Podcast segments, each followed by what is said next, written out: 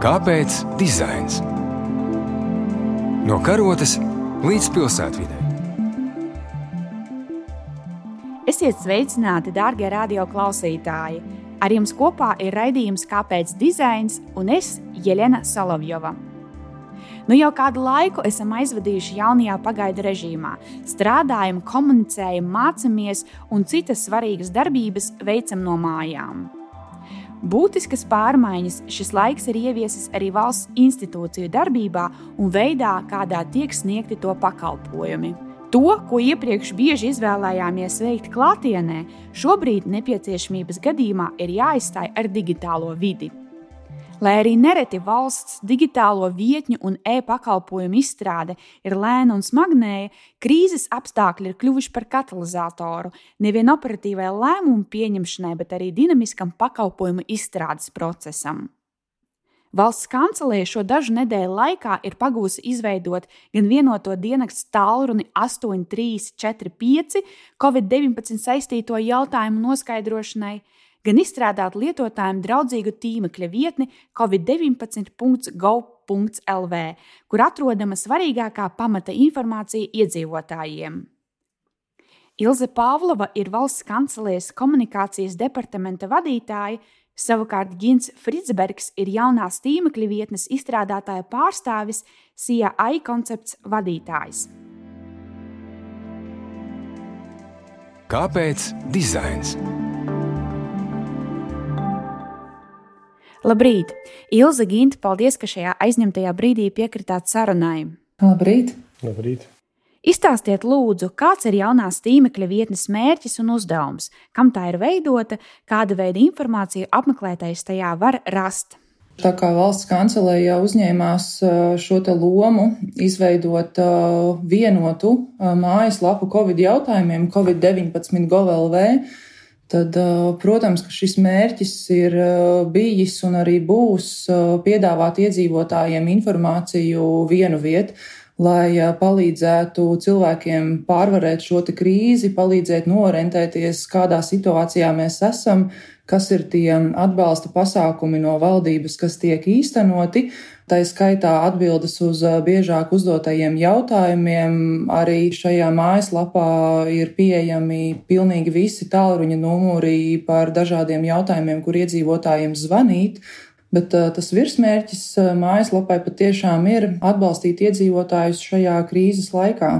Tā lapa primāri ir ar mērķi palīdzēt cilvēkiem, tie, kas ir apjukuši, nobijušies, dusmīgi vai izmisuši. Katrā no tām grupām jūs varat mājaslapā ielikt kādā no satura vienībām. Mēs mēģinājām realizēt lapu, lai šiem cilvēkiem būtu, ja neatbildes, tad vismaz ceļš, ko iet, vai, vai, vai drusku skaidrākam zvanīt. Un, un, un arī mūsu medicīnas personāls netiktu pārslogots. Respektīvi, mums iekšējā komanda, kad mēs runājam par to lapu, mērķis bija, ja mēs kaut vienu cilvēku šajā laikā spēsim.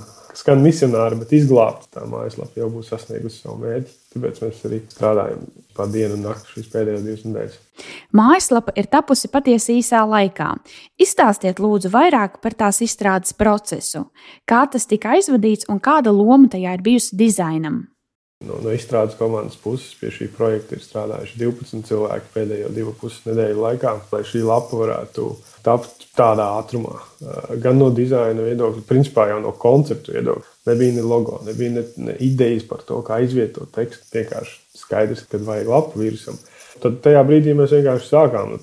No valsts kancelēs puses ir komanda, kas nepārtraukti ar mums sazinās. No mūsu puses ir komanda, kur strādā trijās maiņās. Tad mēs ātri noprezentējam rezultātus kancelē, ātri apmainamies ar idejām, saprotam, vai tas ir lietotāju centrēts. Nu, respektīvi, izējot ļoti, ļoti, ļoti ātri cauri scenārijiem, mēs mēģinām atrast uh, dizaina atbildes, vai mēs to esam norealizējuši vai neesam. Es uh, gribētu paturpināt Gintu, ka tas patiešām top, uh, man liekas, pat Ginta vārdiem bezprecedenta termiņos, jo uh, ikdienā mēs nekad pie šādas tīmekļa vietnes nestrādātu, bet uh, šobrīd ir absolūti cita situācija, citas vajadzības un tā tālāk. Un ir uh, patiešām milzīgs paldies no valsts kancelēs un arī citu iestāžu puses Ginta vadītajai komandai par to um, ļoti uz lietotāju orientēto pieeju, jo es ticu, ka valsts pārvaldu viņu varētu kaut kādā brīdī pazaudēt Bet uh, Ginta komanda kā profesionāļi nepārtraukti mūs tur uz šī ceļa,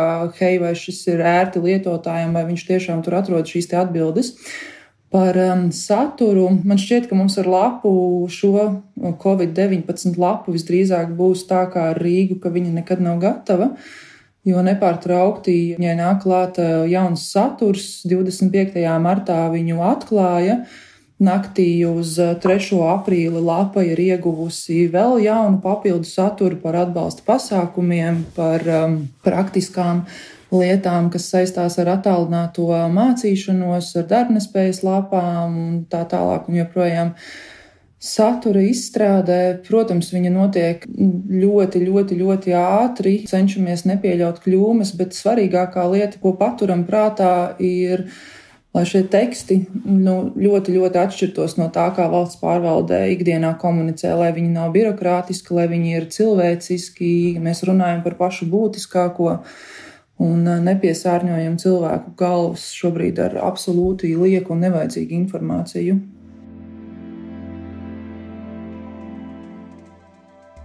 No kopumā vairāk kā diviem tūkstošiem valsts publisko pakalpojumu šobrīd ir digitalizēti jau vairāk kā 800. Par izaicinājumiem digitalizācijas procesā, kā arī nākotnes iespējām, stāsta publisko pakalpojumu departamenta direktors Vides aizsardzības un reģionālās attīstības ministrijā Gatis Ozols. Cik lielā mērā publiskie pakalpojumi ir pieejami digitālajā vidē? Nu, ja mēs paskatāmies šobrīd nu, no tāda piedāvājuma puses, mēs praktiski visas tās biežākās dzīves situācijas, kas mums ir, mēs varam atrisināt elektroniskā veidā. Eiropa katru gadu veic tādu digitālās ekonomikas novērtējumu, kur uh, kopumā Latvija ierindoja 17. vietā Eiropā, bet, ja mēs skatāmies tieši šos valsts e-pakalpojumus, tur mēs esam 7. vietā Eiropas Savienībā. Mēs varam baudīt samērā labu digitālās pārvaldes servisu šeit Latvijā. Tas, kas līdz šim bija izaicinājums, tieši lai šos pakalpojumus arī masveidā lietotu iedzīvotāji, ne tikai viņi būtu izveidoti. Šobrīd mēs redzam, ka arī ar to paliek arvien labāk. Un šobrīd arī šajos rādītājos mēs Eiropā esam virs vidējā rādītāja. Tā kā es domāju, vēl pēc šiem, pēc šiem mēnešiem tieši šis aspekts, kas mums bija pagaidām tas izaicinošākais, es domāju, būs būtiski uzlabojies. Kā tev šķiet, kāpēc cilvēki nelieto e-pakalpojumus tik lielā apmērā, kā varētu?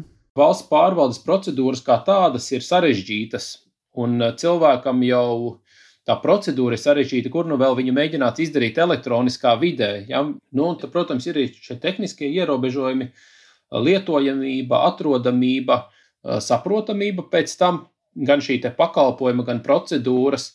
Nu, un tad ir trešais, kas ir šīs te, nu, prasmes, kas nav pirmajā vietā noteikti. Kādi ir ieguvumi digitalizējot pakalpojumus? Tie ieguvumi noteikti ir tas, ka cilvēkam tiek atvieglota nepieciešamība kaut kur doties, bet tas ir tikai pirmais solis. Tas, tas manuprāt, ir tas, kas ir tā pamatdarbs, kas ir jāizdara, lai cilvēkam nebūtu kaut kur jāiet. Bet otrs ir, kāpēc mēs to digitalizāciju vēlamies veikt, lai arī valsts pārvalde varētu strādāt efektīvāk, tos pakalpojumus organizēt tā, ka viņi ir savienoti savā starpā nu, no iedzīvotāju skatu punktu un dot tādu papildus pievienoto vērtību. Kā tu vērtē šobrīd pieejamo digitālo pakalpojumu dizaina kvalitāti? Tās iestādes, kuras ir izgājušas vairākas paudzes savā pakalpojumā, tās noteikti ir priekšā. Tās ir lielās, kuras sāka pirmās, un mēs redzam, ka neviens pakalpojums nerodās lielisks ar pirmo reizi.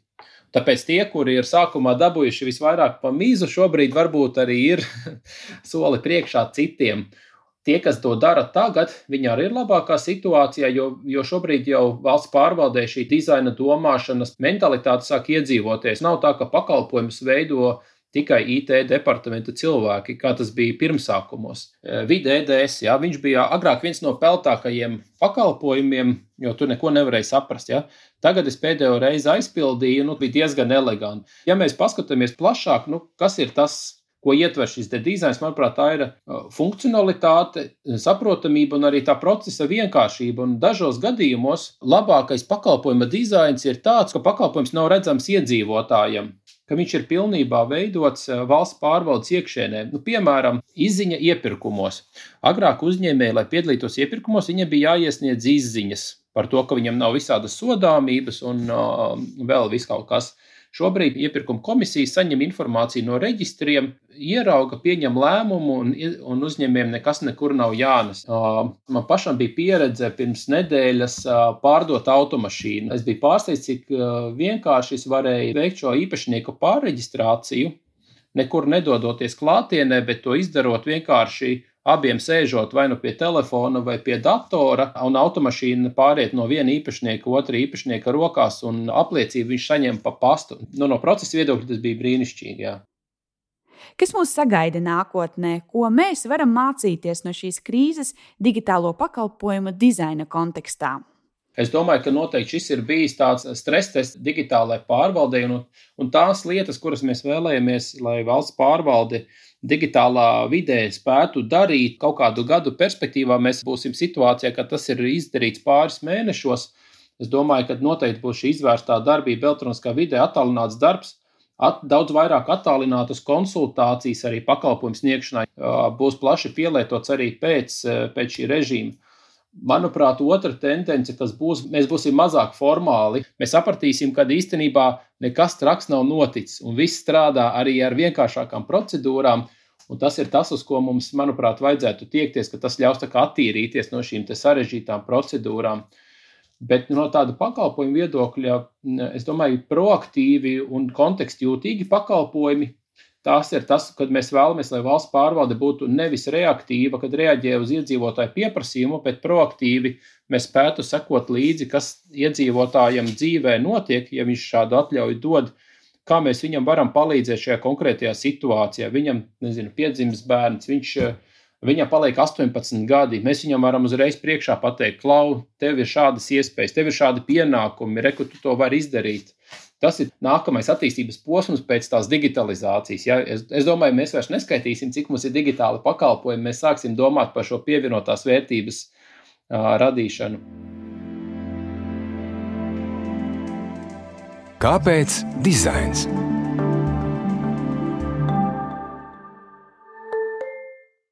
Taču, protams, lai arī ārkārtējā situācijā darbojamies attālināti, pakalpojumi valstī nav tikai digitāli. Stratēģija un pakalpojumu dizainere Liena Kupča uzskata, ka krīze ir vērtīga mācības stunda tam, lai uz pakalpojumiem paraudzītos plašāk un novērtētu dizaina potenciālo pienesumu to izstrādē un uzturēšanā. Es esmu Liena Kupča, esmu stratēģe, strādāju ar pakalpojumu dizainu un ar lielajiem tādiem komunikāciju jautājumiem dažādās organizācijās. Liene, kā tu vērtē publisko pakalpojumu kvalitāti Latvijā?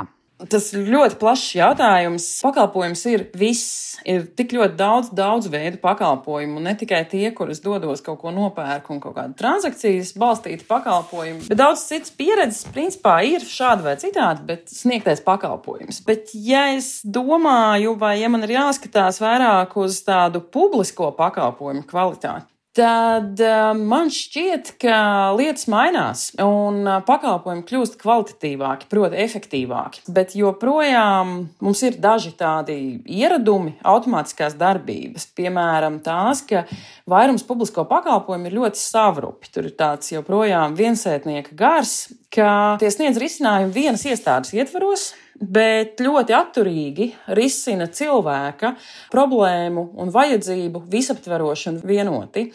Un reizēm ir ļoti grūti, tam ir iemesls tāds, ka ir vai nu zināšanu trūkums, ideju trūkums, bet bieži vien ir vienkārši grūtības pārkāpt pāri kaut kādam savam vadītāja ego vai liela mēroga mazām ambīcijām, jo tā automātiskā domāšana ir, kā es viens varu visu izdarīt.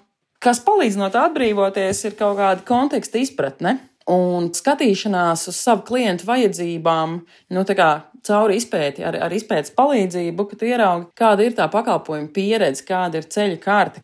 Vēl viena lieta, kas arī ir gan daudz traucējusi, tā ir visādas mikrovaras un mikrohierarhiju domāšana, nu, tur tradīcija, ieradumi un greizais pieņēmums, ka ir tikai divi kvalitātes kritēriji, vai nu gods, vai nu sots. Nevis uh, drosme vai iespēja uzdrošināties un mācīties visiem kopā, visām iesaistītajām pusēm. Mums mazliet liekas, ka šis ir mans lauciņš, to es daudz maz zinu. To, to lai tie citi. Un trešais traucējošais elements man šķiet ir tas, ka automātiski vispirms meklējam aizliegumus, tad sakoncentrējam enerģiju, lai kaut kā radoši šos aizliegumus un ierobežojumus pārkāptu, nevis vienoties par kopīgiem darbības principiem. Iespējams, ka reizi Covid krīze ir viens no retajiem gadījumiem, kurā šis strādāja stipri mazāk, bet, um, ja tā ar tādu ikdienas pakalpojumu domāšanu es skenēju, kā organizācijas sniedz savus pakalpojumus, tad ļoti daudz, kur tās ir balstītas caur aizliegumu. Tā ir mazliet tāda vecā skolas hierarhijas un varas lietas. Kāda loma, tavuprāt, pakalpojumu izstrādē un uzturēšanā ir dizainam? Fundamentāla un uh, dizaina nozīme nevis tajā, kā lietas izskatās. Nē, dizaina domāšana un dizaina nozīme ir tajā, kā mēs spējam holistiski saprast visus procesus, visas miedarbības, visos līmeņos. Tas ir tas, kas arī vēl ir tikai gribu cerēt attīstības stadijā. Uh, Ir labi stāsti, protams, bet, piemēram, ja par tām pašvaldībām, tad tieši saprast visus pakalpojumus, izvērtēt, noauditēt, sagrupēt atbilstoši tam, ko cilvēks lieto, tas vēl joprojām ir stipri sākuma stadijā. Varbūt tev nāk prātā kāds pozitīvs, labi dizainēta pakalpojuma piemērs publiskajā sektorā? Man pirmkārt liekas, ka šī brīža kontekstā varam vienīgi izteikt absolūtu tādu profesionālu cieņu un apbrīnu par vadošo iestāžu darbu, piemēram, kaut vai uh, repatriācijas reisu organizēšana. Tas ir tāds krīzes dizains, bet tas ir viens no risinājumiem, vai arī šī pati Covid-19 mājaslapa, kas arī ir viena daļa, bet ļoti visaptveroša daļa. Piemēram, šodien es ievēroju, ka dabas aizsardzības pārvalde ir izveidojusi tādu diezgan vienkāršu, bet ļoti pārskatāmu karti, kurā ir uzskaitīta uzskaitīts visas tās takas un skatu torņi, kur šobrīd uh, iedzīvotājiem ir slēgti. Tas no tādām operatīvām lietām es ievēroju, bet kopumā man šķiet, ka Atkal salīdzinot ar citām valstīm, sevišķi ar lielākām, mums īstenībā klājas gan labi. Lai cik nebūtu nērts e-paraksts, vai mēs vienmēr varam gribēt lietas skaistākas vai, vai vēl funkcionālākas, mēs ļoti daudz ko varam izdarīt attālināti. To parāda arī tas, ka šobrīd faktiski visas valsts iestādes, pašvaldības iestādes vairumā gadījumā strādā attālināti. Un tā ir ļoti laba ziņa. Un atliek vienīgi tās padarīt vēl ērtākas un jēgpilnākas. Man šķiet, tas ir liels uzdevums. Un tur būs vēl daudz darba visiem. Un visbeidzot, kā tev šķiet, vai šī krīze būs mums arī kaut ko vērtīgu iemācījusi? Man liekas, ka viena pati galvenā lieta ir tā, ka mēs varam apzināties, ka pakalpojumam ir jāatvieglo dzīve, tam ir jābūt efektīvam, jebkurai no pusēm. Un, lai tas tāds būtu, ir vajadzīga izpēta un ir jāstrādā kopā iesaistītajām pusēm. Tas ir viena no tādām pirmajām lietām, ko Covid noteikti ietekmēs pozitīvi. Tas ir viens. Otrs, man liekas, ka mēs ļoti daudz visi kopā mācīsimies nevien vadīt citus vai kritizēt citus, bet, piemēram, vadīt paši savu personīgo efektivitāti. Kopumā es domāju, ka jā, mēs nostiprināsim savu mainīties spēju un organizācijām tas prasīs ļoti lielu tādu iekšējās kultūras mobilizēšanu un pārēju uz tādu tiešām tālredzīgu domāšanu, nevis tikai atkal spīdošiem zīmoliem vai skaistiem saukļiem, bet tieši par tādu iekšpuses sakārtošanu. Un tas ir ļoti, ļoti, ļoti labi, vērtīgi un ilgtermiņā mums visiem dzīvi mainošs notikums.